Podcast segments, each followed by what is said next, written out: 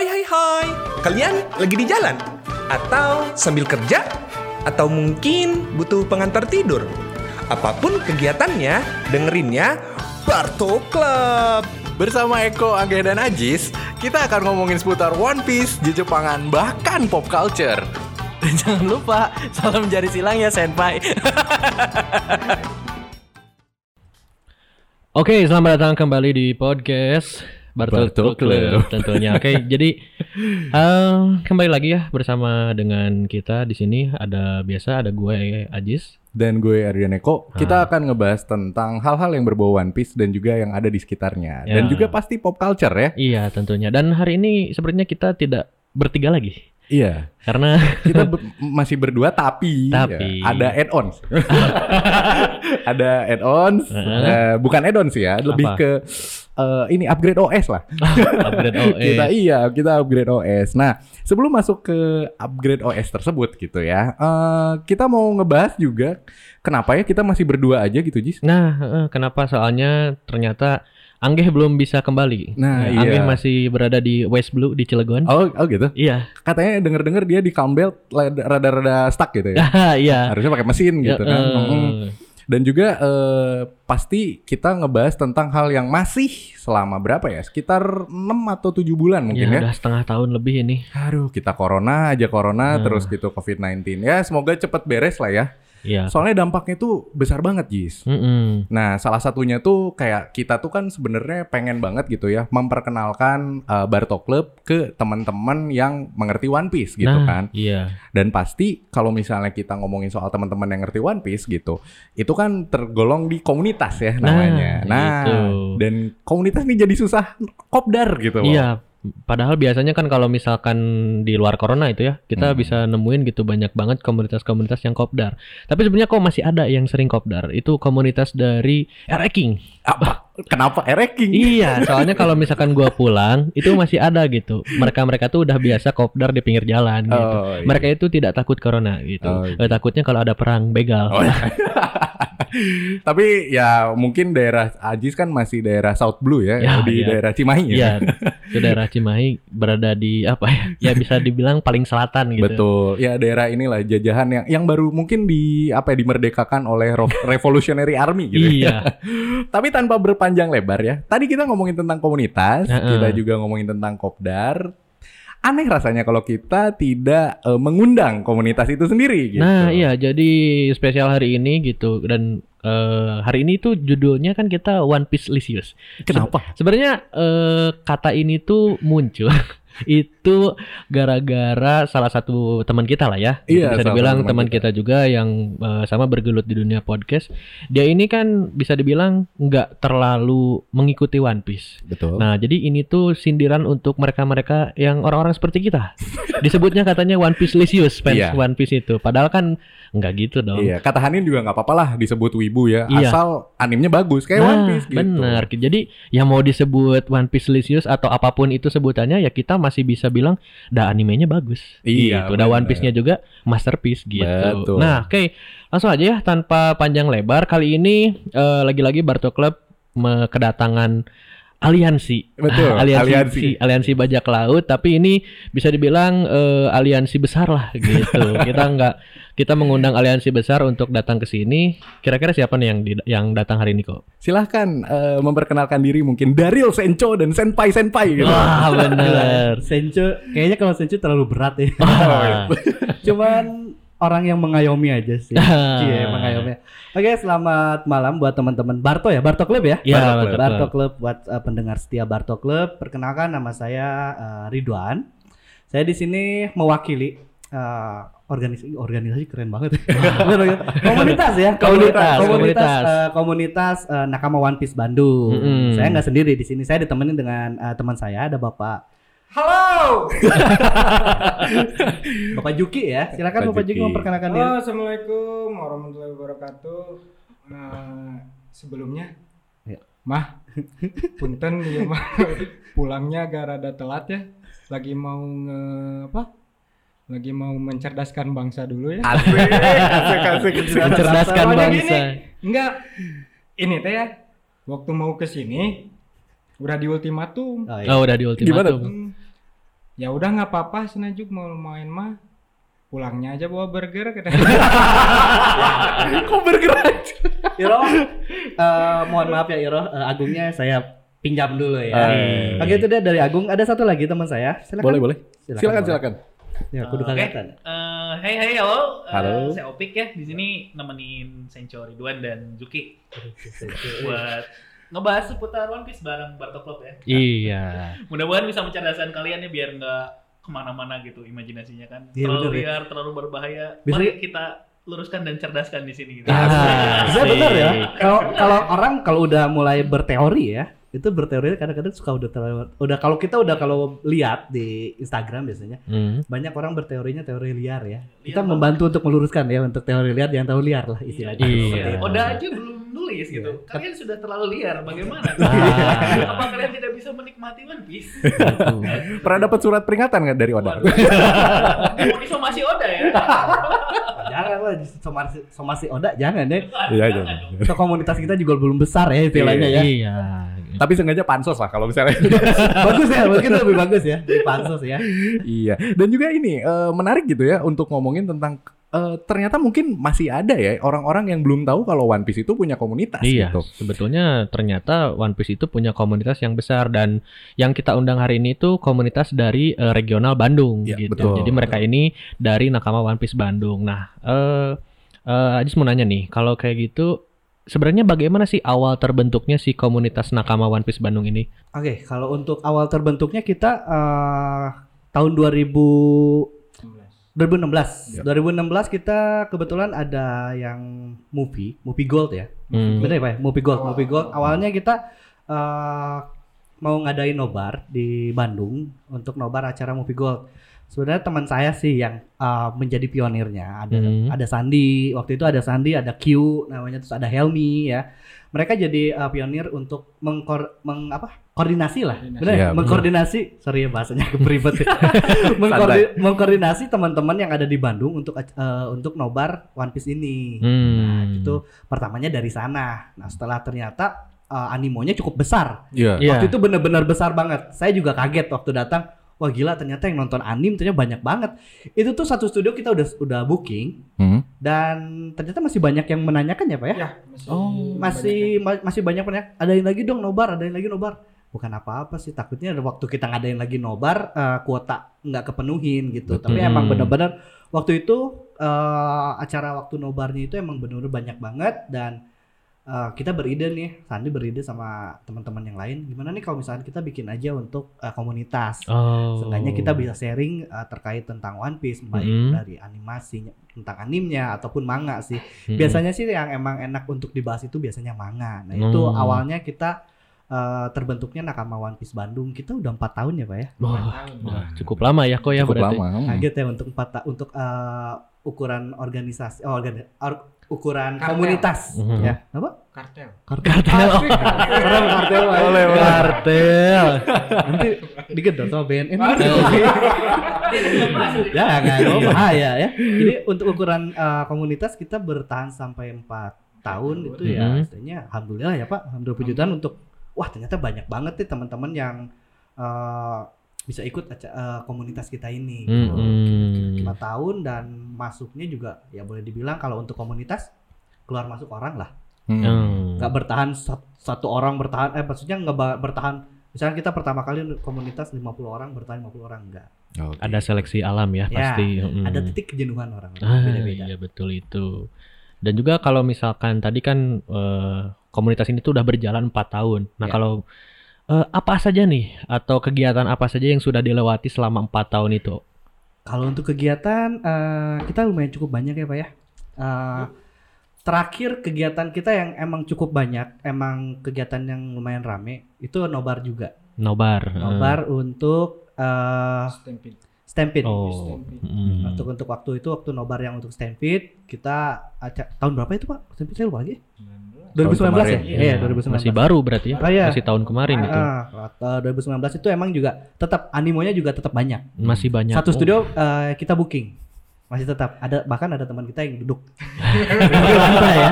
Sampai duduk di lantai sampai saking duduk- banyaknya gitu saking animonya. banyaknya, ya. Emang animonya cukup banyak dan boleh dibilang eh, event yang cukup eh, membuat kita terkenal itu acara Gatnas siapa ya? Gatnya. Gathering Gathering nasional. nasional. Itu Gathering nasional itu kita ngadain eh, ngajakin teman-teman yang komunitas di regionalnya bukan hanya di Bandung saja, tapi Hmm. juga ada yang dari Jakarta, ada yang dari Aceh waktu itu ada Wah, dari sampai luar pulau ya. Ya, Iya. Batam juga datang. Yang paling jauh mungkin Aceh apa ya gitu ya? Aceh, Ma- Makassar ada nggak sih? Nggak ada. Makassar nggak ada. Hmm. Gorontalo nggak ada yang datang. Oh. Aceh boleh juga. Oh Aceh Aceh, ya, paling banyak. jauh Cuma gitu. Dan juga berarti eh, komunitas One Piece itu di skala nasional itu berarti banyak ya kok ya penyebarannya gitu. Betul. Eh, bukan hanya di kota-kota besar seperti Bandung ataupun Jakarta Iya, gitu. betul. Bahkan sampai tadi Gorontalo, Hmm. terus juga sampai ke Aceh juga ada gitu. Iya. Dan menarik untuk dibahas ya tadi yang masalah eh kata Ridwan itu kan uh, komunitas itu datang dan pergi gitu orangnya ya. Mm-mm. Dan itu pun sebenarnya terjadi di beberapa komunitas di Bandung gitu. Di mana orang-orang Bandung itu kadang-kadang ya bisa disebut apa ya mageran mungkin ya. Iya, Mageran. Karena cuacanya dingin mungkin ya. Nah, Heeh. kayak gitu. Nah, tapi untuk dari komunitas eh, nakama One Piece sendiri gitu, punya nggak sih goals-goals tersendiri untuk pa- para penggemar One Piece gitu? Oke, untuk goals mungkin Bapak Agung bisa sama Pak Topik. Tempat tunjuk-tunjuk. gitu. Nggak sih. Eh, kurang lebih sih kalau untuk goalsnya kita, emang yang pertama kita pengen mengkampanyekan ya Pak Agung ya, Hmm. mengkampanyekan supaya teman-teman di sini yang baca manga ya, terutama untuk baca manga, Lebih Mm-mm. aware aja sih. lebih aware, Lebih aware. lebih lebih aware aja jangan eh, hanya baca scan ilegal. Iya. Oke. heeh. Jadi kalau boleh dibilang belilah komik yang aslinya. Istilahnya itu bentuk bentuk support kita kepada Oda tuh eh, ya kurang lebih eh, paling mentoknya di sana sih. Iya Hmm. benar. Jangan egois lah ya. Ya, gitu. Kita betul. udah dapat enaknya, tapi kita nggak eh, apa namanya mendukung dengan cara membeli gitu Ya, kan. betul, seperti itu. Hmm, betul. Oke oke. Itu eh, apa ya? eh, goals yang sangat mulia Betul. gitu. Tapi susah dilakukan ya. Nah, betul iya, ya. Kalau misalkan kalau misalkan kita melihat eh, fans-fans One Piece terkhusus di Indonesia, mungkin untuk hal-hal yang seperti itu yang butuh effort lebih itu masih kurang gitu antusiasnya Iya, benar. gitu. Ya, betul. Karena orang Indonesia itu sudah terbiasa dengan sesuatu hal yang mudah gitu. Sehingga Benar, kalau udah ada yang mudah ngapain sulit gitu. Betul. Padahal harusnya dibalik. Kalau ada yang sulit ngapain yang mudah. Kalau Capek kita sulit mah. Nah, iya. Apalagi yang paling dibenci tuh kuota juga udah udah beli, sana pakai uang. Nah, Eh. justru karena udah beli, kenapa nggak dipakai untuk ke hal yang baik gitu Betul. maksudnya? Mungkin kalau kalau kalau dari pendapat saya sih, Hmm. dari pandangan saya sendiri mungkin karena eh, untuk komiknya sendiri ini, komik ada udah berapa Pak? Udah berapa udah berapa volume maksudnya? Sembilan, sembilan puluh berapa sih? 9 91 kalau nggak salah. Eh, Enggak, enggak, enggak, enggak sembilan satu. 93. Soalnya saya mentok di sembilan satu belum beli lagi. Oh, Nah, berarti itu berarti di 90-an. sekitar 91 93. Nah, 93 mungkin Hmm. orang berpikir eh taruhlah satu buku, satu komik itu 25.000 ribu ya, Pak ya? Ya. 25.000 ribu. Hmm. Orang mikirnya 25.000 ribu kali 90 Hmm. mahal gitu ya. Iya, iya benar. Mungkin berpikirnya seperti itu. Jadi Hmm. tapi ya kalaupun jangan berpikirnya mungkin kalau untuk orang yang tipe orang kolektor Mm-mm. Mungkin bisa aja sih ngikutin ya udahlah saya coba beli dari awal apalagi untuk yang komik-komik awal ya pak ya Hmm. volume-volume satu biasanya emang agak udah agak susah dan Betul. emang harganya lebih mahal biasanya Hmm. Ada sih, masih ada sih sebenarnya. Hmm. Masih Hmm. ada di Gramet. Di Gramet juga masih ada. Iya. Dan juga kalau nggak salah eh, kok di Gramed itu kan pernah ngeluarin yang bundle dari Oh, volume iya, satu, Ah, iya, benar. volume 1 sampai Sampai 10 gitu biasanya. Dan itu juga kan berarti di Gramedia sendiri juga apa ya memudahkan gitu Iya. para fans One Piece untuk kayak aduh kalau misalkan beli satuan tuh kagok gitu. Udah beli yang langsung banyak aja. Nah, kalau misalkan nih eh, untuk para nakama di sini kalau untuk agar goals ini tercapai itu hal apa aja sih yang udah dilakukan sampai saat ini gitu? Agar para fans One Piece itu mau untuk membeli komik fisik gitu. Ada nggak sih yang sudah dijalankan atau dilakukan gitu? Kalau untuk yang dijalankan mungkin kita lewat-lewat kuis ya pak ya Oh, Ya. kuis. Lewat-lewat oke. kuis kita kasih hadiahnya berupa komik. Oh. Untuk ke trigger mungkin ya. Iya. Hmm. oh ternyata baca komik tuh lebih lebih seru ya Ya, Hmm. seperti itu Dan emang lebih seru, Jis. Eh, iya, emang. bener, emang lebih jujur, seru. jujur emang. baca Baca manga tuh beda rasanya gitu. Nah, dan selain eh, tadi ngomongin tentang goals eh, campaign ya, campaign untuk membeli komik, itu ada nggak kayak kegiatan yang ingin dilakukan di masa depan oleh komunitas gitu? Misalnya bukan cuma gathering nasional, tapi gathering Asia. Amin. Amin. Atau misalnya bikin nonton bareng, tapi nonton barengnya anime Ya. gitu. Hmm. Misalnya. kalau untuk eh se-Asia who knows ya siapa tahu ya, Oh, ya. ya, amin. Kita bisa Amin, nyampe amin, ke sana tapi Heeh. Ya kalau untuk untuk ke depannya ya ini ya. Iya. Untuk ke depannya ya mungkin eh, apa ya kalau untuk pembelian buku ya tetap sih kita bakalan selalu eh, melalui apa melalui kuis-kuis kayak gitu. Oke. Terus kita Hmm. juga sharing ke teman-teman, ayolah beli beli apa beli komiknya Hmm. ataupun kita juga kemarin-kemarin kita sempat nih Hmm. Mencoba untuk menghubungi eh, Gramedia Heeh. untuk kerjasama ya minimal Hmm. kita ada kerjasama ya mungkin setengahnya kayak ngasih ngajak untuk si orang dari apa dari Gramedianya dia datang Mm-mm. ataupun support kita untuk eh ya istilahnya ngasih lah buku ah, Bah. komik ya Nah. seperti itu Kalau- nggak juga eh, penyuluhan nih kenapa sih harus beli komik eh, harus beli komiknya Betul. terus mungkin eh, di pemikiran saya di pemikiran saya nih eh, dari Gramedia ini kasih ke teman-teman nih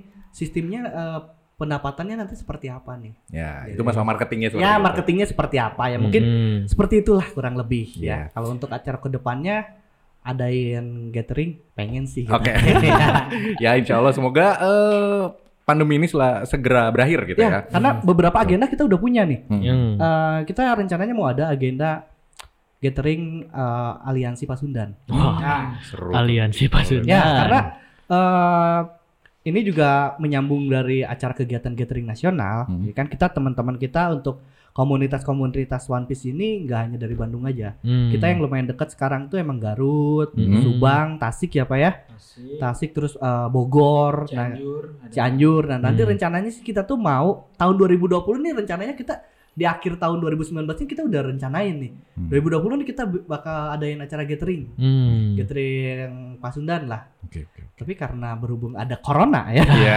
Jadi seluruh kegiatan kita tuh emang bener-bener stop lah. Terutama untuk acara-acara gathering seperti itu kan bakal pasti bakal lebih susah lagi. Iya betul betul. Dan tadi ngomongin soal aliansi Pasundan dan eh, organisasi gitu ya. Ya. Nah kita ini mau ngambil contoh. Ada beberapa kelompok dan organisasi yang ada di One Piece. Nah, gitu. Oke. oke. Sebenarnya kita ngambil eh, sebenarnya ada cukup banyak Ya, ya, cukup banyak, organisasi betul. di One Piece gitu. Nah kita di sini ngambil tiga aja Mm-mm. karena ini menurut kita yang top 3 lah gitu yang menarik Ah, untuk ya, dibahas. Yang menarik untuk dibahas. Yang pertama kita masuk di Baroque Works. Iya. Iya pasti. Apa itu Jis? Baroque Jadi Baroque itu sebuah organisasi kriminal rahasia yang diciptakan oleh si ini Crocodile. Betul. mantan si Cibukai gitu. Jadi dia menciptakan organ sebuah organisasi kriminal gitu di masa waktu dia masih menjadi si Cibukai. Nah, tujuannya apa nih? Tujuan si Crocodile menciptakan Baroque itu dia tuh jadi pada saat itu tuh mengingin menggulingkan sebuah kerajaan, kerajaan yang namanya Alabasta demi mencari eh, keberadaan dari senjata kuno yang Betul. kita kenal Pluton gitu. Nah, jadi dia sengaja membuat si organisasi kriminal rahasia ini untuk agar menjalankan si tujuannya tersebut gitu. Iya oke. Dan juga di samping eh, dia tuh melakukan apa namanya ya sambil mencari senjata kuno, Mhm. dia tuh menggunakan cara-cara yang sebetulnya agak relate dengan kehidupan di dunia gitu. Seperti yang kita tahu eh, Baroque Work itu mengadu dombakan Iya. antara kerajaan dan juga rakyatnya kalau nggak Iya, salah. Mm. Iya, betul. Nah di situ itu sebenarnya eh, ini correct me if I'm wrong ya Hmm. gitu. Jadi di di Arabnya itu sendiri gitu yang menjadi apa ya basic menjadi alabasta gitu. Hmm. Nah Amerika tuh kan sangat kental eh, dan juga menjadi rahasia umum lah kalau dia itu memang banyaknya eh, menggunakan politik adu domba tersebut gitu Hmm. antara dua negara Arab gitu. Hebatnya dari Oda eh, organisasi ini tuh memang relate di kejadian nyata gitu. Kalau Hmm. menurut kalian nih bagaimana bagaimana cara melihat si organisasi Baroque Work ini gitu berkembang di One Piece dan juga eh, bagaimana ada di dunia nyata gitu. Oke. Kalau untuk eh, teori ya, Mhm. saya mungkin lempar ke Agung kalau nggak ke Opik. Jujur aja saya tuh eh, kalau untuk berteori kayak gini agak susah ya. Tapi agak mantap. Oke, Pik silakan Pik. Mungkin bisa dijawab nih buat sama Opik. Oke kalau emang Baroque-nya sendiri kan eh, flashback dulu ke belakang ya. Dia Hmm. kan ngadu dombain tuh si King Nefertari eh, sama rakyatnya. Kayak sama si Mister tuh dia Hmm. dengan cara ganti muka dia. Iya, Aja benar, kan, Tokoh Hmm. utamanya gitu di Raja Tersebut. Kalau relate di dunia nyata, benar tadi yang dibilang dibilangnya kok eh, Iya. eh, kayak Amerika tuh emang emang minyak nyari minyak ya. Iya, Iya, Karena nyari minyak ya. Mentang-mentang di Timur Tengah banyak minyak dia ada dombain terus. Iya Eh, benar. emang relate banget sih. Ya apa yang apa yang udah tulis tuh emang refleksi dari dunia nyata gitu. Hmm. Di. Dan juga kalau misalkan kita lihat yang kan kalau misalkan di dunia nyata itu minyak kan yang Hmm. menjadi objek yang diperebutkan dan dijadikan objek untuk adu dombanya. Iya, Betul. Nah, kalau misalkan di Alabasta itu kan ada jadi Alabasta itu negeri Timur Tengah itu kalau di dunia nyata sendiri kan terkenal eh, gersang Ah, gitu, jarang ada air. Nah, Oda itu memasukkan elemen itu di Hmm. di bagian Alabasta ini eh, jadi ada eh, suatu hal yang disebut dengan dance powder. Ya. Jadi dance powder itu adalah bubuk yang bisa menghasilkan hujan. Hmm. Nah, jadi yang diadu dombanya ini eh, bener tadi si Mr. Tu itu kan merubah wajahnya jadi wajah si rajanya si Cobra itu kan Betul. bilang bahwa dance powder itu hanya untuk pihak kerajaan saja. Hmm. Jadi warga warga warga Alabasta itu nggak ada hak untuk dapat itu. Nah dari situlah adu domba itu dimulai Jadi gitu. Si siapa? Krokodil itu bikin plot gitu Mm-mm. agar masyarakat tidak percaya lagi dengan kerajaan. Nah gitu itu. Padahal aslinya baik kan Iya. kerajaannya gitu. Itu Wah, banyak berarti ya. Kalau sekarang juga kita sebenarnya yang kayak gitu-gitu banyak ya. Oh, banyak Oh. banget Pak, kayak gitu Pak. Yang namanya hoax ya, Ah, kayak gitu iya, ya, iya, bertebaran ya Iya, bertebaran ya. dan ngeri banget tuh. Udah kerasa ya sampai sekarang ya. Oh, banget ya. Saya tapi tidak mau ada tukang bakso depan rumah. Jadi harus dijaga mau pelan-pelan. Benar ya kalau misalkan kita relate dengan eh, sistem yang dilihat sama apa? sama krokodil ya. Ya mungkin kalau di yang sekarang ini kita bisa dilihatnya relate-nya dengan hoax-hoax yang terjadi ya. Mm-mm. Ya wa- saya nggak nyebutin hoaxnya ada di mana ya, tapi nggak ya. Di inilah di Zimbabwe lah. Ya, sebenarnya- sebenarnya kalau untuk kabar hoax itu nggak hanya terjadi di ya boleh dibilang kita juga banyak ya hoax ya. Mm-mm. Jujur aja kita banyak hoax. Ya, Jadi istilahnya dikasih hoax eh, orang-orang kita tuh jadi istilahnya wah langsung nih yang namanya ke trigger ya, ya. cepat ke Hmm. trigger. Nah, sebenarnya di orang nggak hanya di orang Indonesia aja di luar-luar negeri juga banyak kan Iya, hoax-hoax oh kayak banyak gitu banget ya. gitu yang Jadi- setipe. Yang tipe kayak gitu. Ah. Jadi kalau dilihat yang eh, Oda li, Oda cara mengemasnya melalui di situ, Hmm. kalau menurut saya juga ya emang benar-benar related dengan kejadian di seluruh di seluruh nggak hanya Indonesia di seluruh dunia juga hoax itu emang bertebarannya emang Iya dan pintar juga gitu. Kalau Pintar menurut ya. ya dia udah udah tuh ngemasnya dalam bentuk cerita sedemikian rupa dengan mungkin maksud dibaliknya untuk menyadarkan dunia tuh kayak gini loh. Ya, gitu. Nggak to the point ya. Iya, nggak to the Iya. point gitu. Hmm. Gitu. Dan juga ini eh, menarik untuk dibahas selain dari apa ya tujuan utama dari Barco Work itu sendiri, mereka itu yang lucu itu menggunakan nama-nama alias Ya, di Ya, eh, inisial, hmm, inisial. inisial di untuk bawahannya Mm-mm. atau biasa disebut dengan bentar apa namanya nih. Jadi ada pasangan agen lah ibaratnya.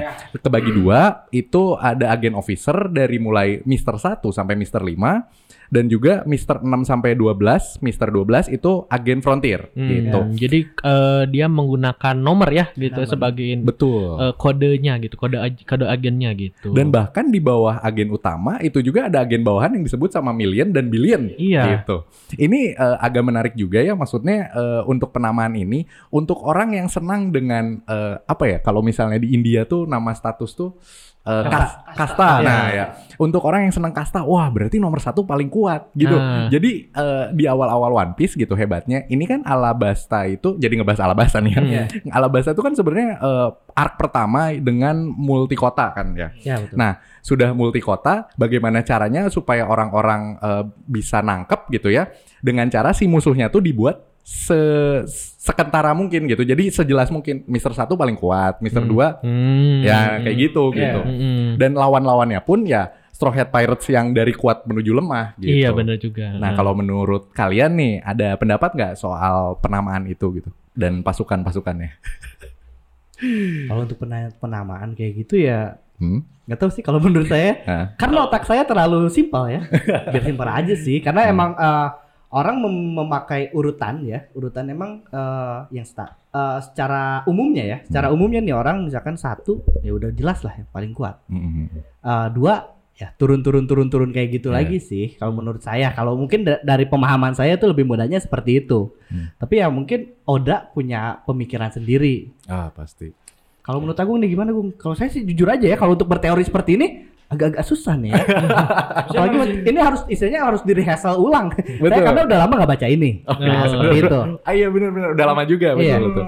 kan si krokodil ini orangnya perfeksionis kan Hmm. nah kenapa dia ngasih kalau menurut saya nih kenapa dia ngasih kode name dari 1 sampai 5 atau billion million Hmm. dia organisasi Barpok itu sama kayak eh Apa si itu? Kaido teh siapa? Bispire. Oh, Bis Bispire. Dia, Hmm. dia menggunakan guna- menggunakan sistem me- Ranking. meritokrasi apa namanya?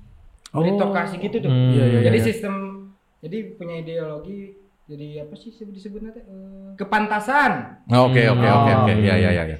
Mm-mm. Jadi Nah. jadi Mhm. kalau misalkan jadi si Milian sama Bilian ini rebutan kan di, di dalamnya. Iya. Di dalamnya rebutan kalau mis dan eh, si isi Barokok ini kan semuanya total total apa sih? Total anggotanya. Hmm. Enggak pemburu Oh, pemburunya. bajak, pemburu bajak laut semua. Hmm, Iya, betul, isinya betul. bo- bounty hunter semua kan. Bounty hunter semua.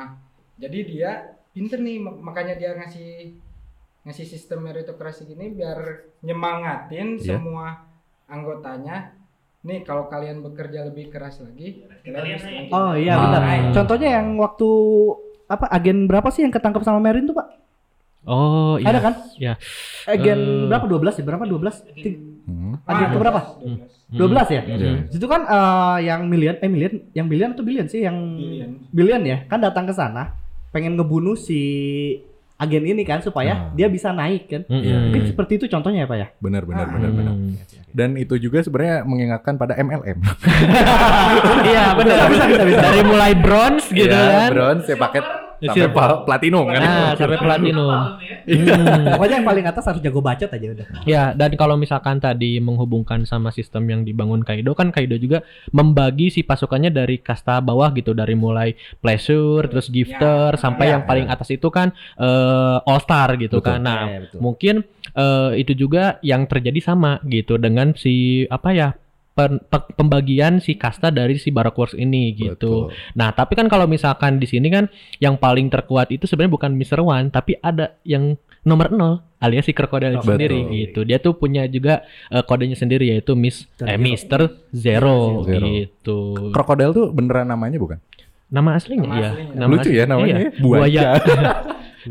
Harus Krokodil eh, salah eh, salah satu karakter favorit saya. ah iya. Saya suka banget sama krokodil. Mungkin dulu sukanya sama sama, sama Sabo ya, tapi Eh. sekarang Oh. berpindah saya ke krokodil. Karena kalau menurut saya tuh cerminan bener-bener cerminan villain apa ya istilahnya di awal sih emang kelihatan jahat banget ya. Hmm. Tapi kalau ke sini ke sini saya lihat malah jadi Luluh juga ya. lulu Luluh. juga lihat krokodil ya. Saya juga masih penasaran nih eh, penasaran krokodil itu dengan masa lalunya nih, apalagi yang berhubungan dengan Ivankov ya. Betul. Hmm. betul, betul. Sama saya juga Bapak penasaran. suka, Bapak suka krokodil? Wih, Oh, ya. Pantesan suka nge-DM.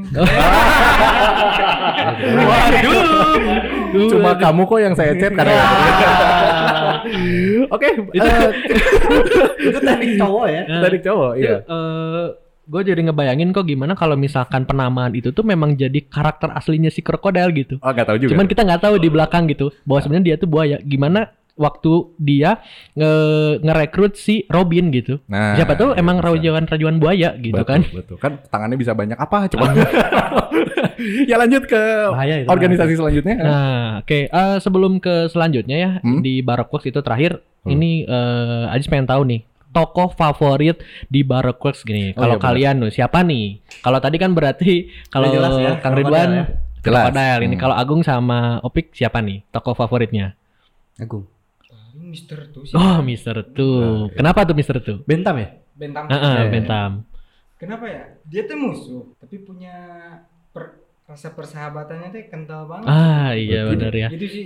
Kalau saya lihat si Bentam ini sebenarnya dia tuh nggak nggak dia punya prinsip. Ah, Walaupun bener. dia jahat dia punya prinsip. Prinsipnya dia tuh persahabatan loh. Hmm. Ad- di- eh, ada yang istilahnya eh, ketemu sama Supi dia dibantuin sama Lupi kan? Ya. Iya, dibantuin sama Lupi. Nah, dia tuh udah kalau ada orang yang bantuin dia, Hmm. dia anggapnya itu teman. Hmm. Walaupun awalnya dia emang musuh, tapi dia nggak nggak mikir ke sana karena dia istilahnya gue berhutang budi nih sama Lupi. Ah, Betul. Itu betul, kayak gitu. Kalau Pik siapa nih tokoh favorit di Baroque Works?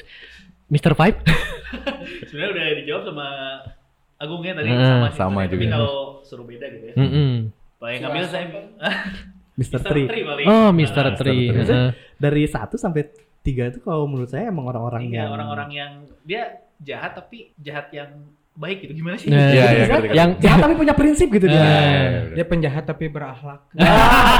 Bener, bener. Bener bener bener Mister, bener. Mister One juga dia punya prinsip loh. Hmm. Iya, Iya nggak? bener bener. Betul, betul. Bakal kalau misalkan Mr. One itu kejadiannya itu waktu yang di Marineford. Jadi kan Hmm. waktu itu Luffy itu kan udah harus cepat-cepat nyelamatin S dan itu tuh lagi diserang gitu sama banyak pasukannya. Di situ Mr. One ngebantu. Terus nanya, "Loh, kenapa lu ngebantuin gitu? Ini perintah dari atasan." Nah, itu kan Hmm. prinsipnya dia tuh kayak gitu. Dia tuh kayak nurut banget gitu sama si krokodil gitu. Loyal banget. Dia Loyal banget. Tangan, Mm. tangan kanannya tangan kanannya krokodil ya. Waktu Uh, itu uh. juga waktu yang apa eh, bounty Luffy kesebar juga kan?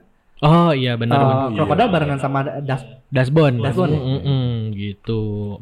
Oke, sekarang kita masuk nih ke organisasi yang kedua. Nah, yaitu pasukan revolusioner. Nah, apa nih pasukan revolusioner itu kok? Jadi pasukan revolusioner ini adalah organisasi militer yang kuat yang dipimpin oleh Babehna Luffy, Ah. gitu. Monkey D. Dragon. Iya. Dan tujuannya apa? Tujuan utamanya adalah untuk melawan pemerintahan dunia atas ya dunia itu sendiri Iya. gitu. heeh. Karena Monkey D. Dragon itu ti, bukan tanpa alasan ya Iya. menjadi orang paling dicari di Mm-mm. dunia One Piece. Nah, ini jadi pertanyaan menarik. Kira-kira menurut kalian kenapa Monkey D. Dragon itu menjadi orang yang paling dicari di dunia One Piece? Hmm. Oke, Bapak Agung. silakan. Kenapa nih? Karena eh, yang saya lihat sih Agung kemarin-kemarin emang dia cukup eh, seneng ngebahas tentang Revolution Army gitu. Mm-mm. Saya juga seneng sih lihat. Gimana nih? Kenapa nih? Dragon dicari. Pertama sih indikasi saya soal dragon tuh ada hubungannya dengan Uranus. Hmm, dengan salah satu senjata kuno. Ya, mm, Mm-mm. senjata kuno. Kenapa dia ma- manusia paling dicari? Nah, banyak banyak sih indikasi-indikasinya, cuman kita rentetin dulu nih ya. Hmm. Eh, debut pertama mungkin 19 tahun yang lalu lah ya. ya, yang Hmm. waktu Dari- lockdown ya. Dari zaman sekarang. Ya. Hmm. Sebelum lockdown? Dari, dari jadi gini. Oke, oke, oke. Oh ya, Mungkin kalau 19 tahun dari 19 tahun sebelumnya dia udah mulai debut bergerilya. Oke, oke. Me- ya gitulah ya. Ya, oke ya. Ya ke negara-negara lah istilahnya yang ada di bawah Betul. pemerintahan Ya. dunia ya. Nah, kita runutin waktu. Kenapa saya bisa bilang si Dragon ini Uranus? Pertama dari episode 0, Ya. Zero epi- episode 0 itu kan peak. Oke. Si Shinshiki ini kan eh, bilang kalau misalkan si Roger punya nemuin satu ancient weapon dan dia ngajakin collapse lah kalau Iya. Ya, ngajakin collapse Betul. misalkan kan dia, dia gak mau lah gitu kayak gitu lah ya nah di sini saya runutin waktu di zaman itu se- Pluton mungkin masih ada saya yakin sih masih ada sih masih ada di si Thompson ini Hmm. kedua yang si Poseidon belum lahir Iya. nah satu-satunya berarti yang ditemuin Uranus Hmm. Ya. Wak- waktu indikasi terus ditambah waktu si Roger meninggal eh Hmm, dieksekusi. Meninggal. Iya, meninggal bener sih. Bener. Iya bener.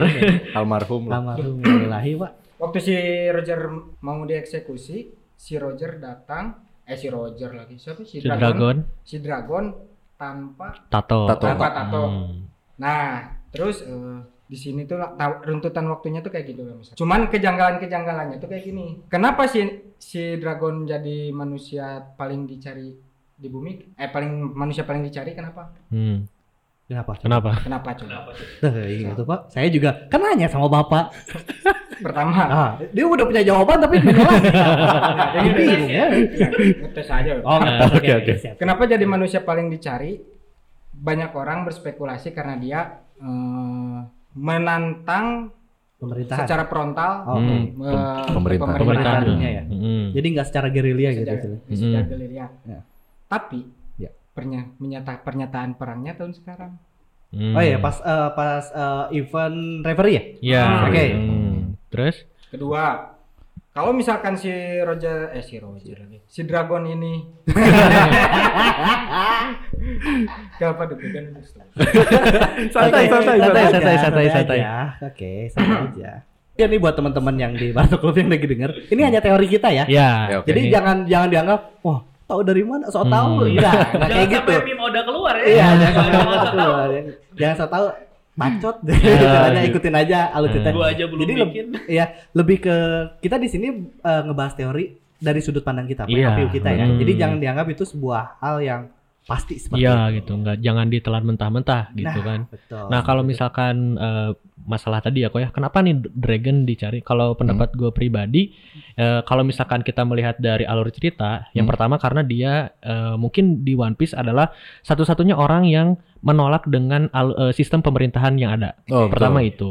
Kemudian yang kedua eh, karena dia eh, bisa dibilang sebagai seorang tokoh yang berpengaruh gitu. Maksudnya dia ini adalah seorang anak dari pahlawan angkatan laut. Oh, Iya, gitu. ya, anaknya Mm-mm. gap. Artinya gini, kalau misalkan dilihat dari skala kekuatan, Hmm. bapaknya aja udah edan gitu gitu. Artinya anaknya nggak mungkin biasa aja. Itu Betul. juga bisa menjadi indikator eh, kenapa dia bisa dikategorikan bahaya Oke. gitu. Cuman kalau misalkan eh, apa ya, yang utamanya ya yang pasti karena dia menentang pemerintahan dunia. Karena kita tahu karakter orang pemerintah dunia yang ada di One Piece itu kan eh, apa ya, kayak mereka tuh takut kalau misalkan kekuasaan dia tuh digoyahkan Ya, gitu. diganggu ya, Diganggu. Pertama takut sama pemerintah ya. Nah, Si itu. Dragon ini pengen menggoyahkan stigma itu gak usah Nah, nggak usah takut. Kalian tuh gak salah gitu. Nah, itu. salah itu. Ditambah karena eh, pemerintahannya juga bertindak semena-mena Oke, gitu. Jadi mungkin itu secara luang lingkupnya secara lebih besarnya ya. Mm-mm. Misalnya sebenarnya misalnya kalau mungkin yang tadi Agung ceritain untuk skalanya boleh dibilang konspirasinya ya. Nah, Benar ya? iya. Konspirasinya kan eh, di dunia One Piece itu kan ada ada tiga buah eh, senjata kuno, Kuno. ya istilahnya. Mm-mm. Uranus, terus Pluton sama Poseidon ya. Iya. Nah, mungkin eh, kenapa si apa? Kenapa si dragon ini dicari? Karena kekuatan da- dragon ini yang memiliki senjata eh, ancient weapon Uranus. Mungkin Mm-mm. ya. Ya, mungkin seperti itu. Heeh. Kita berpikirnya seperti seperti itu mungkin Hmm, ya. sampai Berteorinya ya. Nah, Dan sampai Hmm. sekarang pun faktanya kita belum tahu kan. Ya, Uranus itu seperti apa? Iya. Dragon tuh kayak gimana gitu. Ya. Mm-mm. Yang kita tahu dia cuma seorang pimpinan tinggi dan punya bawahan banyak yang kuat-kuat gitu. Mm-mm. Gitu loh. Mungkin eh, emang teori kita sih emang masuknya karena ini dragon ini dia memegang eh, salah satu senjata ancient weapon yang namanya Iya. Uranus. Karena kan Poseidon kita udah tahu ya. Ya. Eh, Pluton udah. Pluton kita udah tahu Hmm. ya yang dipegang sama Iya. Frankie. Kan mungkin Iya. si Frankie masih dia dia Ingat tahu. Mungkin ya masih Iya dia masih, Masih ingat. ingat, Aku, pasti. eh, saya yakin Frankie ini ingat eh, untuk Hmm. eh, blueprintnya si Pluton. Pluton, Pluton. walaupun udah dihancurkan, Mm-mm. tapi dia masih ing- pasti masih ingat cara Hmm. membuat Pluton seperti apa. Nah ini Iya. makanya kalau untuk Dragon sendiri dilihatnya itu dari kita sih dari Agung dari teman-teman kita yang di Nakama Bandung karena dia memiliki Uranus itu makanya dia dicari Hmm, seperti itu. gitu. Ada mau ditambahkan apa Ada Agung? mau ditambahkan? Atau sudah ingat? Oke. Sudah. Oh, ya. Oh, Oh, oh, deui, gitu. Oke, kalau gitu kita eh, bahas dulu nih masalah si pasukan revolusioner yang lain. Nah, jadi ada apa ya? Ada beberapa info tambahan nih Betul. tentang si pasukan ini bahwa ternyata kaum revolusioner ini mem- bagaimana cara mereka membangun kekuatan pasukannya. Jadi mereka ini melatih anak muda gitu, Hmm. anak-anak muda yang bisa dibilang eh, bernasib eh, kurang beruntung Iya. atau mereka-mereka yang bisa dibilang eh, apa ya menjadi kaum kaum tertindas Iya. gitu. Kayak sabotak ya. Ada juga kan ya di Iya. situ. Hmm. Oh ya, Sabo terus Koala juga, Koala ya, oke. koala Koala, juga. oke. Ah, ah, kalau misalkan eh, apa ya ngomongin koala, koala itu punya masa lalu yang agak menyedihkan sih. Gelap banget. Wah itu gelap banget. Gelap banget itu. gelap banget dari kecil dia tuh kayak ya udah jadi robot atau pelayan gitu dia nurut-nurut aja gitu ini bersihin ya Iya. dan bener-bener eh, apa ya koala itu pada saat itu nggak ada ekspresinya sama sekali gitu Dia bisa senyum doang ya? Emotionless. Iya. wah Gimana itu senyum doang ya? ngeri banget gitu sampai sampai segitunya nah kaum kaum atau orang-orang yang seperti itulah yang diambil oleh kaum revolusioner army untuk eh, apa ya bergabung dan melawan si sistem pemerintahan itu Dan untuk Sabo ya kalau menurut saya pribadi gitu, eh, Sabo itu sebenarnya cuma salah gaul. Sebenarnya dia tuh bisa jadi penerus kerajaan gitu. Ya, Cuma oh, dia iya. gaul sama E sama sama, Luffy, Luffy ya. yang dididik sama Dadan gitu. Gimana nggak salah gaul gitu Iya, loh di situ. Padahal udah enak hidupnya ya. Itu Iya, udah oh, enak, udah jadi enak. anak bangsawan itu Iya. siapa yang nggak mau Orang kedua terkuat dari eh, apa pasukan revolusioner Mm-mm. ke mana-mana masih bawa pipa aneh ya. dia tuh udah senjatanya banyak yang Iya. Pipa. dari awal gitu. Dan juga ada info kedua. eh, infonya tuh siapa pun yang menjadi seorang revolusioner akan dinyatakan sebagai ancaman dan Hmm. menjadi dan menjadi diinginkan oleh pemerintah dunia. Maksudnya diinginkan lah gitu sama Hmm, pemerintah dunia karena eh, berbahaya gitu ya. Mm-mm. Karena ketika dunia distabilkan melalui tiga kekuatan besar, Shichibukai, Marin dan Yonko. Hmm. Kaum revol- kaum revolusioner adalah ancaman bagi keseimbangan kritis itu. Gitu. Iya, karena ya yang paling beda tujuannya gitu. Ya. Sehingga nanti bakal menggoyahkan si keseimbangan itu tadi Itu gitu. tuh dijelasin sama Garp ya? Iya, sama Oh, iya, juga. benar. Mm-mm. Mm. Jadi dan juga yang Heeh. terakhir itu ada menurut Nico Robin dan Don Quixote Flamingo, menurut eh meskipun saling menentang, pemerintah dunia dan angkatan laut, revolusioner dan bajak laut jarang bekerja sama. Iya, ya mungkin karena beda tujuan juga gitu. Beda Betul. Beda Iya, goalsnya benar, gitu. benar. Kalau yang satu mencari One Piece, yang satu mau mencari kesejahteraan. Cari cuan. Penting cuan ya. gitu. Tapi apakah One Piece kesejahteraan? Wah, teori yang enak untuk dibahas gitu. Heeh. Aduh jangan. Lanjut lagi. ya. Nah, kita ngebahas tentang One Piece ya. iya. Dan ya sebenarnya ada beberapa ini eh, fakta-fakta gitu ya tentang Revolutionary Army. Tapi kalau misalnya kita bahas lebih lanjut, itu tadi gitu bisa mungkin satu atau dua episode gitu ya. Mm-mm, karena banyak banget yang bisa dibahas gitu ya. Betul. Nah, kita langsung masuk aja kayaknya ke organisasi ketiga yaitu Ciperpol number 9 Nine. atau biasa disingkat CP9. CP9. Nah, Nah, tapi sebe- eh, sebelum ke si Perpol number 9 kita jadi sebetulnya organisasi ini itu eh, apa ya bermuaranya dari yang namanya Cyberpol Ya. gitu. Jadi Cyberpol ini tuh adalah organisasi rahasia ciptaan pemerintahan dunia yang punya tugas atau misi rahasia untuk eh, apa ya seperti atau men- bukan hanya menstabilkan sih tapi kayak dia tuh eh, kaki tangannya pemerintah kalau misalkan ada hal-hal yang membahayakan mereka iya gitu benar. intel lah gitu bisa dibilang Tim eksekusi sih sebenarnya Nah, mereka. Ah, iya, Bener ya, benar. Pak? Lebih spying sih. Iya, Iya. spying. Oh, ya. spying. Mungkin kalau di Amerika CIA lah. Ah, ah Keren. ya Bener ya? CIA, KGB, CIA ya. Hmm. Oke.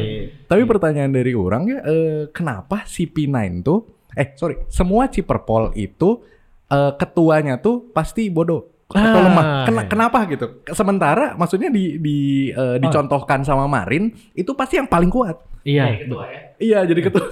benar-benar Spandam dan Spandin ya. iya bapak sama anak dua-duanya lemah Nah, gitu itu. Dua-duanya ya gitulah. Gitu lah. sama-sama licik gitu Agak pinter lah. Hmm. Nah, ya. Sebenarnya ada ya contoh di dunia nyata tapi malas juga ya kalau Kok- Nggak, se- ya maksudnya malas untuk bapak dan dibahas. anak Enggak, enggak.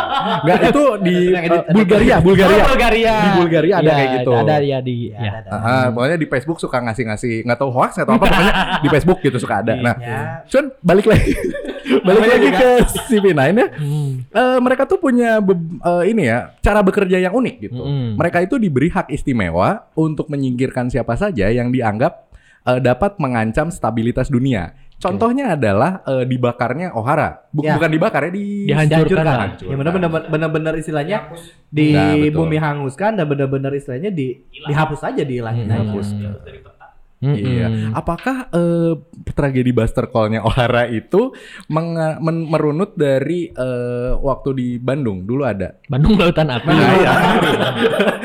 itu Oda hebat banget ya main-main ke Hmm. Bandung Ah, dulu gitu. ya sebenarnya kalau misalkan Konsepnya? tapi konsepnya emang sama sih Iya, konsepnya sama kan? sama kan Sama. Mm, gitu Apakah di sana orang-orang ngerti poneglyph? Konsepnya beda. oh beda, kenapa? Karena kenapa? yang Bandung kan kita pemerintahan kita yang ngebakar. oh iya Oh. benar Orang Bandung yang ngebakar. Iya, Sedangkan iya, kalau iya. untuk s- eh, waktu di Ohara itu kan pemerintah dunia yang ngebakar. Nah, Hmm, Ya, kita mungkin, ambil mm. contoh ya ya boleh dibilang perang perang-perang zaman dulu lah. Oh, Jadi iya. kita ambil contoh eh Kuwait lah. Mm, Oke, oke. mm-mm. Eh, pernah ada perang perang Amerika sama Kuwait kan? Mm-mm. Hmm. Ada, Pak. Itu Jadi boleh dibilang kayak perang-perang dari Amerika istilahnya Amerika ya sorry sorry sorry itu saya ya ini kejadian nyata gitu real ya Hmm. namanya eh, sejarah yang ada kayak seperti perang Irak Mm, untuk menggulingkan Saddam Hussein mm, ya.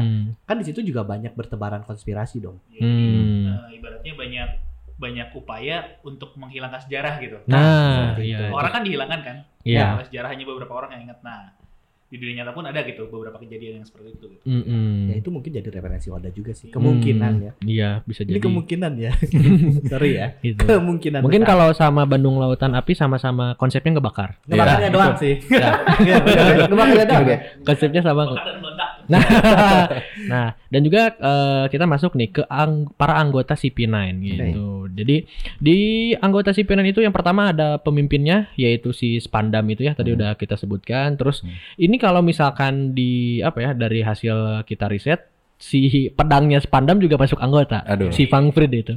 Si pedang gajah gitu Iya. kan. Itu pedangnya makan buah setan apa gimana? Nah, iya. pedang makan buah setan. Gimana? Bukan bukan gajah makan buah Bu- setan. bukan, bukan. Pedang makan- Tapi pedang makan. pedang makan Itu juga pernah kita pernah dibahas waktu di eh, Alabasta ya, Pak ya? Hmm. Hmm. Ya, si lasso itu kan sama. Ya, si Lasso ya, juga sama. lasso kan? yang anjing Yang jadi meriam anjing. gitu kan. Ah. itu meriam makan buah Meriam. buah Nah. buah inu inomi ya? Bukan. Iya, Iya, iya, bener iya, ya? benar benar. Hmm. Dan itu emang eh, mungkin ada kemungkinan itu hasil karya dari Pegapang. Ya, Ah, mem- betul. betul, betul. Sampai sekarang masih nggak kebayangnya gimana gitu. Bisa bingung ya. gitu. Nah, Lu makan makan. makan. Sama kayak si siapa yang maki pakai makimono tuh? Yang mana? Hmm. Yang mana? Yang si ninja tuh situ. si Raizo. Si Raizo kemungkinan juga itu si ininya si makimononya.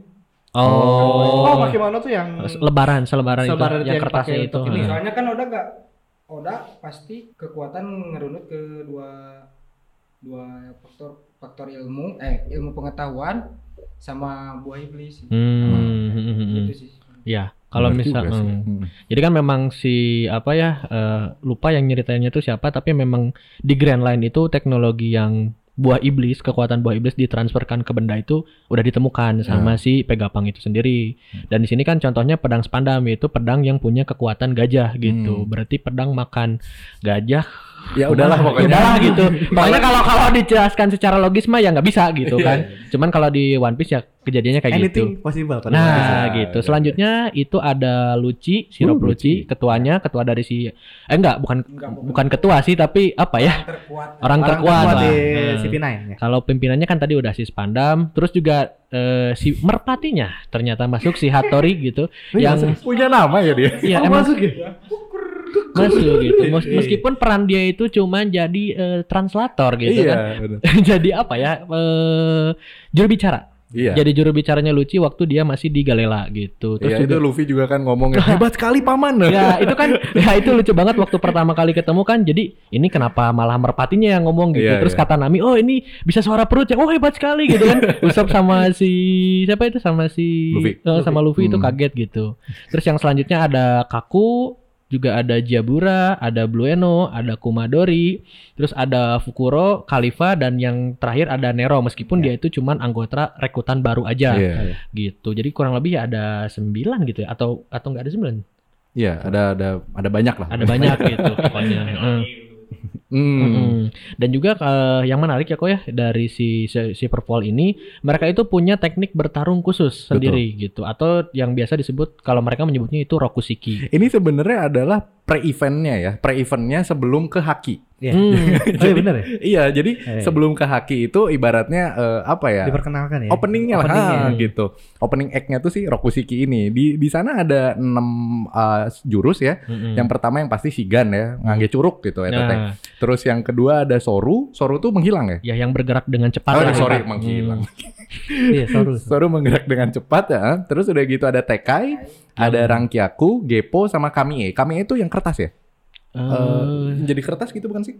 yang apa ya bisa bergerak lunak gitu. Pokoknya semua hal ini tuh bisa didapat dengan memiliki haki gitu. Hmm, sebenarnya. hmm, bener-bener.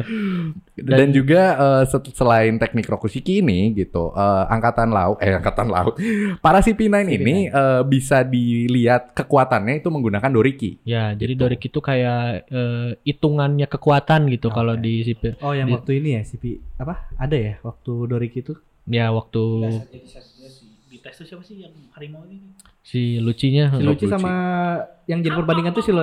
Oh si Fukuro. Si Fukuro Oh, ya? iya, Kan so- kan Hmm. Ya. Ibaratnya kalau kalau di Dragon Ball tuh ada di itunya. Oh iya yang kacamata itu kan. Nah. Powernya kan. Heeh. Andim sebelah. Jadi kalau deketan-deketan ya. Heeh. Mereka suka bikin collab coy. Oke oke. Kalau di One Piece itu jadi si Dor- Doriki itu Iya, iya. satuan hitungan kekuatan lah gitu. Nah, di mana di sini kalau misalkan kita lihat yang paling kuat ya Lucy. si Luci dengan kekuatan Dorikinya 4000 gitu. Nggak tahu satuannya apa gitu. 4000 Doriki lah beneran gitu ya. 4000 DRK Iya iya kayak gitu. Terus yang kedua itu Kaku dengan 2200 Tiga terus ya? Hmm, yang ketiga yaitu Jabra, terus eh, Blueno, Kumadori, Fukuro, Khalifa sampai yang terakhir ya sudah jelas Pandam. Iya, Dan betul. angkanya beda banget dia 9, paling kecil gitu. Iya, bahkan lebih kecil dari angkatan laut biasa gitu. Iya bener. Soalnya kalau di sini angkatan laut itu biasanya si se apa Dorikinya itu 10 gitu. Iya. Berarti dia lebih lemah dari eh, angkatan laut eh, angkatan laut biasa gitu. Iya, gitu. Yang penting punya bapak. Itu Nah. kan istilahnya. Yang penting bapak. Penting ada jabatan. Nah, Aduh. gitu. Dan juga ini pertanyaan biasa ya eh, yang kita tanyakan. Siapa anggota CP9 favorit kalian? Oh. Oke. Silakan Bapak. Kalau saya sih senengnya sama Kaku ya. Oh, kaku. Karena orangnya tuh lebih kalem ya kalau Mhm. dilihat. Kaku tuh eh, salah satu eh, anggota CP9 yang kalau menurut saya dia, dia orangnya kalem banget gitu. Iya benar, Hmm. setuju. Paling paling kalem tapi kasihan juga sih dapatnya malah buah buah iblis yang jadi jerapah. Jerapah. Iya. Kelihatannya kan jadi jadi aneh gitu. Iya. Dia udah jadi gede, dikecilin lagi gitu, dipadetin gitu. Udah keren sih sebenarnya, Hmm. tapi waktu dapet dikasihnya buah iblis yang jerapah aduh gitu. Kalau kalian berdua gimana nih? Kalau sih Ka- Khalifa sih. Wah, Aduh. Khalifa. Kenapa? Selain karena cewek, kenapa? Nggak tahu aja sih. Ini imajinasinya dia. Oh. ya udah ya nggak apa-apa ya sampai lulus Ya, dadau ya, gitu. ya. ya.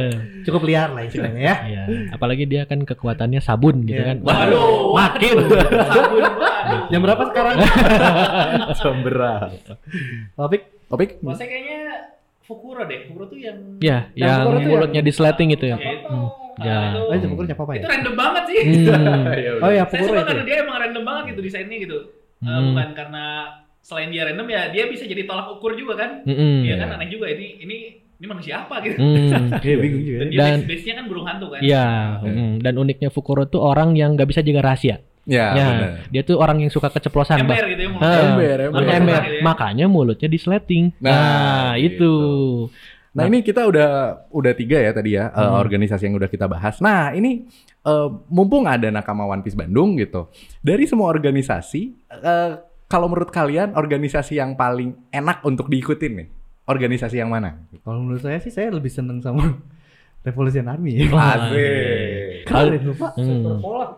Nah ya, mungkin satu-satu satu-satu kalau gitu. Kalau menurut saya sih saya emang eh, saya seneng dengan Revolution Army ya istilahnya ya eh, mereka tuh seperti yang tadi dibahas ya istilahnya mereka ingin me- istilahnya tentang justice ya keadilan. Jadi mungkin orang-orang berpikir pemerintah dunia karena mereka berpikir pemerintah dunia itu yang memeng- memegang semua kendali. Nah adanya Revolution Army ini boleh dibilang ini loh eh, salah satu istilahnya salah satu apa bukan komunitas ya salah satu eh, organisasi Betul. yang membuat orang supaya untuk bisa speak up. Ah, Yuk, iya, speak benar. up dong. Jadi misalnya kayak gitu ya. Mungkin kalau di One Piece sendiri, Revolution Army mungkin dilihatnya lebih ke secara apa? Secara kekerasan lah mungkin ya, Hmm. dengan perang dengan ini. Hmm. Tapi kalau Hmm. misalkan di diaplikasikan ke dunia nyata, saya senangnya pengen Revolution Army itu yang mewadahi organisasi mewadahi orang untuk speak up. Hmm. Jadi kalau misalkan ada keburukan suatu negara, ya di speak up aja. Karena demokrasi itu mungkin Nah, ya. iya. Hmm. Freedom of speech. Ah. Lama-lama jadi kayak coki gue.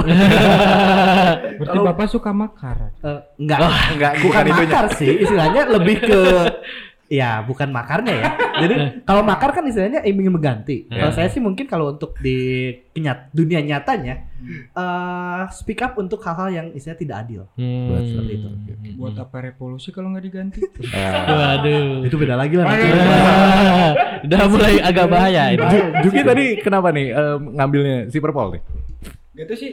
Emang dari dulu seneng film-film tentang spying aja. Oh, sih. tentang Ah. agent gitu. Apalagi huh? Jason Bourne kayak Oh. gitu. Oh, gila jadi Jason Bourne. Kayaknya ya. enak aja sih. Hmm. Jadi jadi mata-mata. Oh. Iya. Selama berapa tahun sih dia di situ tuh ya kerja pura-pura tuh? Siapa? Si si P9, si P9 Si P9. Hmm. di Water Seven. Oh, di Water Seven ya? Kalau kalau Lima lima. Ya. Lima ya? Kemarin si Khalifa pernah bilang five five years of hard work. Ah ya. Ah, oke oke oke.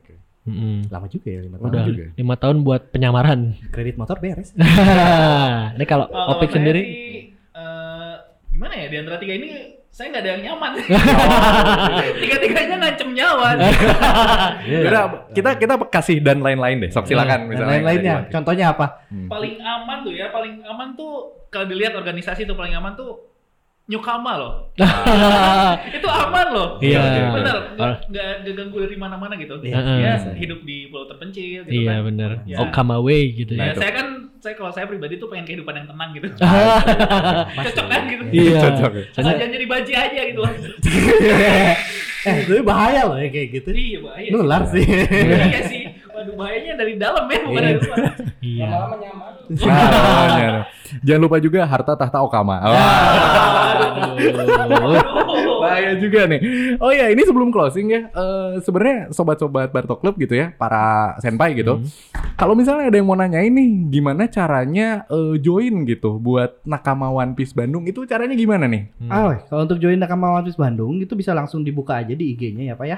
Hmm. Eh kita di IG-nya ada di Nakama. Tar tar tar saya cek dulu ya. Wah, kayaknya banyak nih Enggak. komunitasnya. Satu doang komunitas. Satu doang. Nakama eh, dot op.bdg. Hmm. Nakama One Piece Bandung. Nah, di situ ya bisa kalian lihat eh, beberapa kegiatan yang telah kita laksanakan juga. Terus kalau misalkan di situ juga ada ada kontak personnya ya, kontak personnya, kontak personnya nanti kalau misalkan pengen join karena kita adanya di joinnya lewat grupnya grup WhatsApp. Oke. Hmm, Ya, Jadi kalau misalkan kalian mau masuk grup, grup WhatsApp Nakama One Piece Bandung bisa langsung join aja. Di situ sih biasanya kita di grup ya paling ngalor-ngalor gitu juga sih. ngalor tapi eh, biasanya kita kalau misalkan ada chapter terbaru biasanya kita selalu bedah seperti itu. Oke. Sok-sokan jadi pengamat lah istilahnya. Gak apa-apa, gak apa-apa. Awalnya dari sosokan, lama-lama jadi pengamat beneran. Wah bener bener. Dan juga ini eh, kegiatan kalian gitu untuk deket-deket ini apa nggak? Ada yang mau dipublish atau gimana? Oke, untuk kegiatan dekat-dekat ini ada kemungkinan sih kita mau merayakan ulang tahun eh, komunitas kita yang keempat. Oh iya, Hmm. selamat ulang tahun. Waduh. Udah kalau ulang tahunnya kita tanggal 16 sih, 16 Juli kemarin. Oh, udah kelewat. Udah kelewat, tapi Hmm. Oke. ya karena berhubung kemarin-kemarin kan emang agak susah ya, lagi Betul, PSBB dan mungkin sekarang udah new, new normal nih. Hmm. Bukan new nakama ya, new normal. New normal. new normal ya, udah eh, new normal dan mudah-mudahan nih di akhir November kita mau ngadain acara camping sih, camping Oh, bareng ya. hmm. Tapi lihat situasinya dulu. Hmm. Kalau misalkan situasinya nggak memungkinkan, ya paling ada syukuran lah lewat Zoom. Nggak, nggak enak banget ya lewat Zoom. Ya paling kita ada syukuran-syukuran ngumpul di kafe, tapi nggak. Ya tetap memperhatikan protokol kesehatan itu harus. Betul, Hmm, betul. Dan juga ini ya, kalau misalnya ngomongin camping bareng eh, Nakama One Piece Bandung, Hmm. itu ada nggak yang makan buah kayak BG gitu? Jadi kalau misalnya kedinginan tuh langsung masuk ke ke kastil. Pengennya ada sih. Pengen ada ya? Itu praktis banget ya enak. Betul, praktis banget gitu. Ah, Oke, makasih banyak ya. Ya, eh, makasih banyak. buat Aduh. Nakama One Piece Bandung udah mau join gitu Ya. ke Barto Club. Siap. Eh, mungkin di lain waktu kita akan kerjasama lagi mungkin. ya. Oke, mungkin nanti ya dari bapak-bapak Barto Club ini yang mau lemparkan kepada kita ya. Oke. Oke buat teman-teman juga yang buat uh, teman-teman Barto Club dan teman-teman pendengar setia Barto Club. Di sini saya meng- apa disclaimer aja ya istilahnya. Di sini kita hanya berteori aja ya, Pak ya. Hmm. Jadi jangan dianggap itu suatu, suatu hal yang pasti ya. Hmm. Enggak, di sini kita cuman berteori apa yang ada di pikiran kita tentang One Piece uh, tentang uh, apa? Tentang materi yang dikasih dari teman-teman Barto Club di sini ya. Oke. Kita berpikiran ini loh yang kita pikirkan tentang Hmm. uh, misalkan tentang organisasi yang tadi gitu. Iya, jadi jangan jangan apa jangan langsung diambil hati gitu lah. Hmm, hmm. Wah ini so tahu nih. Iya. Wah, Tenang aja kita kan sambil ngobrol-ngobrol santai. Iya, Nanti benar. digeruduk lagi IG kita ya. so tahu lu. Oda aja belum bilang. Yang jelas Sisang jahat. weh. Nanti lah itu bahasan lain lagi.